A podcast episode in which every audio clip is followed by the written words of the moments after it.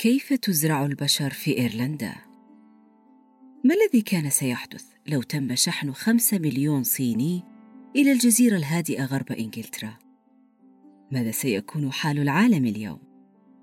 هذه الحلقة كشاف لمشكلة بريطانيا والصين والتي كاد أن يكون ضحيتها شعبي هونغ كونغ وإيرلندا معكم بندر الفراج في حلقة جديدة من بودكاست على رقعة التاريخ في عام 2015 بالتحديد شهر يوليو أطلقت الحكومة البريطانية وثيقة من أرشيفها الوطني بعنوان غريب. يقول إعادة زراعة إيرلندا من هونغ كونغ. يحق لنا أن نتساءل نحن وحتى الشعب الإنجليزي عن معنى هذا العنوان الغريب. في عام 1983 كتب بروفيسور علم الاجتماع البريطاني كريستي ديفيس مقترحا يقول بما أن جزيرة هونغ كونغ سيعاد تسليمها إلى الصين بعد سنوات طوال من الوصاية والحماية الإنجليزية فإننا مسؤولون عن الخمسة ونصف مليون من أهالي هونغ كونغ.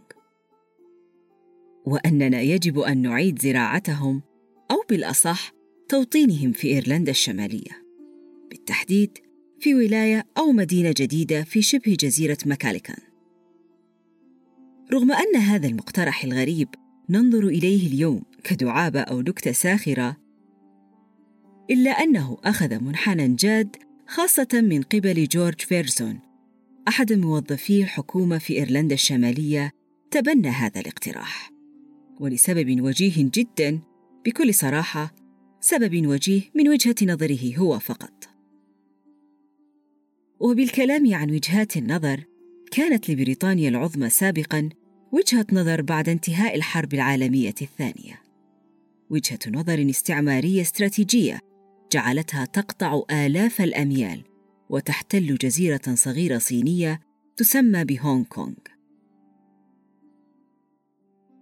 كانت هونغ كونغ فعلا مستعمرة بريطانية من عام 1841 ميلادية وحتى العام 1997 ميلادية. تخيلوا أكثر من 150 سنة وهونغ كونغ تابعة للمملكة المتحدة. باستثناء أربع سنوات كانت الدولة تحت الاحتلال الياباني. البريطانيين احتلوها لأول مرة في حرب الأفيون الأولى ثم تم تسليمها كاملة ليد الصين في عام 1997 مع ضمانات بأن لا يخرب الصينيون نظامها الاقتصادي وحرياتها وأسلوب حياة الناس لمدة خمسين عاماً على الأقل من توقيع اتفاقية تسليم هونغ كونغ للصين. أصل الحكاية بين الصين وبريطانيا هي أن الصين قررت وبشكل قاطع التصدي لتجارة الأفيون. وهل تعلمون ما هي جنسية التجار؟ بريطانيون؟ نعم. ازدهرت تجارة الأفيون بين تجار بريطانيون في الصين وتجار بريطانيين في الهند المستعمرة البريطانية الأخرى. وللصين ألف حق في وقف هذا النشاط حيث انتشر الإدمان بين الصينيين وظهرت كوارث الفقر والمرض والتفكك الأسري. فما كان من التنين الصيني الغاضب إلا أن صادر 1400 طن من الأفيون المخزن في مدينة غوانزو وأحرقه في الأماكن العامة. مليون وأربعمائة ألف كيلو من الأفيون الطري أحرقت في مكان عام. ولا نعلم تحديدا ما الذي حصل لكل من كان في هذا المكان العام لكن النتيجة متوقعة. الذي حصل بعد ذلك أن حرب الأفيون الأولى اشتعلت وذلك رغبة من بريطانيا في الانتقام من تدمير الصين لممتلكات التاج البريطاني. اشتعلت المناوشات بين الصين والإنجليز وبسبب ذلك سلمت الصين هونغ كونغ لبريطانيا ودفعت مبالغا طائلة لها وجهزت لها الموانئ بل وسمحت لها بالتجارة من وإلى أراضيها. كان استسلاما مذل للصينيين لكنه تسبب في اكتساب الصين لخبرة تجارية عظيمة خاصة في مدينة شانغهاي ظهرت لاحقا على الصعيد العالمي. يقال أن هذا المقترح كان يحمل شيئا من السخرية والدعابة لكن جورج فيرغسون المسؤول في مكتب إيرلندا الشمالية كان أكثر جدية في التعامل مع المقترح. فهو يرى أن توطين أكثر من خمسة مليون هونغ كونغي سيغير الخريطة الديمغرافيه لشمال إيرلندا. ويخفف من حدة الصراع الكاثوليكي البروتستانتي أو البريطاني الإيرلندي الجنوبي والذي سالت بسببه رقاب كثيره من الطرفين. نعرف جيدا بأننا نخلط بين الأشخاص بيد البشر لدرجة الشحوب شقر الشعر غالبا ونعاملهم كمجموعة واحدة أو كشعب واحد فالبريطاني في عرفنا هو مواطن له مواصفات خاصة مشابهة غالبا لباقي الشعب. إلا أن نظرة سريعة على الجزيرة الإيرلندية كفيله بوقف هذا الاعتقاد. ففي أواخر القرن العشرين دارت رحى الحرب القومية. وصفت بأنها حرب عصابات. كان وقود هذا الصراع في البداية قومي سياسي. قبل أن يتحول إلى صراع ديني طائفي.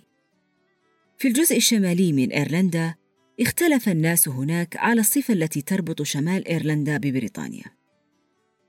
الاتحاديون وهم من أغلبية بروتستانتية وجدوا بقاء إيرلندا داخل المملكة المتحدة.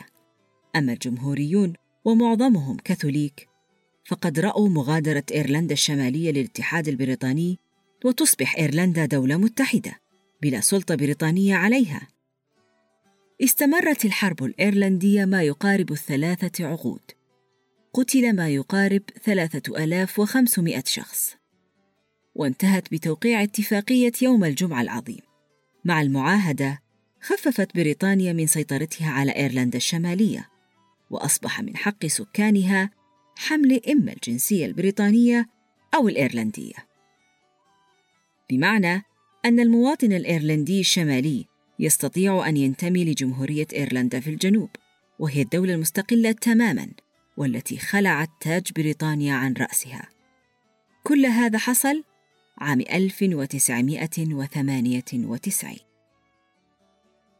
قبل هذا التاريخ بعشرين سنة أي عام 1978 وفي عز الحروب الإيرلندية التقط السيد جورج فيرغسون اقتراح قديم لنقل خمسة مليون هونغ كونغي إلى إيرلندا. وكأنه يريد إضافة مادة محايدة إلى مادتين متنافرتين في إيرلندا. أي تكوين تشكيلة جديدة. تسمى بشعب إيرلندا الشمالية لتختفي معها النزاعات الطائفية العرقية السياسية في هذا الجزء الملتهب من بريطانيا. بالطبع لم يتم تنفيذ هذا المقترح لكن السؤال كما تعودنا طرحه. ماذا لو قبلت المملكة المتحدة به؟ كيف سيكون شكل بريطانيا والعالم ككل اليوم؟ اولا ونظرا للفرق الكبير بين أجواء الدولتين رطوبة وحر شديد في هونغ كونغ وطقس بارد مغيم لا شمس فيه ولا دفء. سيعيش المهاجرون الجدد بل المزروعون الجدد في حالة حرجة من الحنين للوطن. وليس المناخ الجوي هو المشكلة الوحيدة بل سيكون المناخ الاجتماعي والاقتصادي كذلك أكثر قسوة على الوافد الآسيوي الجديد حيث ستكون النظرة العامة لهذا الغريب المشارك للإيرلندي في أرضه زراعته وصناعته على أنه عدو أول. سيكون كبش فداء أو كما تقول العامية فش خلق لكل الإيرلنديين الجمهوريين.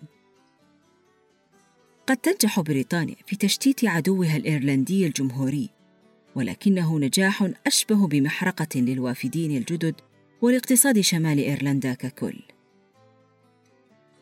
ثانياً لو وافقت بريطانيا على زرع زوارها الجدد في إيرلندا فستضطر بريطانيا إلى توزيع هذا العدد الكبير على مناطق كثيرة وجزر متناثرة هنا وهناك من الإمبراطورية التي لا تغيب عنها الشمس.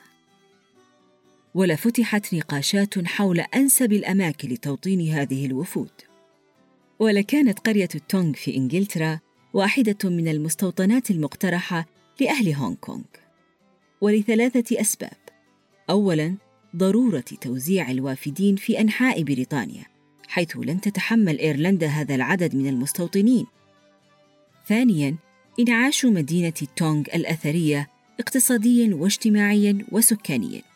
وذلك من خلال توظيف خبرات الوافدين في التجارة والاقتصاد. وأخيراً تخفيف إحساس الغربة لدى أهل هونغ كونغ حيث أنه من السهل تغيير اسم المدينة من تونغ إلى تونغ كونغ. أما أخطر السيناريوهات المتوقعة فهو أنه بمجرد استيراد هذا العدد من البشر إلى جزيرة تعتز كثيراً بأصلها وفصلها وعرقيتها الإيرلندية سيكون دليل جلي على استخفاف المملكة البريطانية بالهوية الإيرلندية. وسيخسر الإنجليز ما تبقى من ولاء في قلوب الفئة البروتستانتية الموالية. ولا حصل اتحاد ضمني أو معلن بين الثلاث فئات المتواجدة في إيرلندا الجمهوريون الاتحاديون والصينيون ضد العرش البريطاني. ولعل أنسب خيار لهم في ذلك الوقت هو الانضمام للجمهورية الإيرلندية الواقعة جنوباً. أصدقائي، هذه بعض التخيلات لنتائج مقترح قديم لم يؤخذ بعين الاعتبار. نلقاكم في حلقة قادمة من بودكاست على رقعة التاريخ.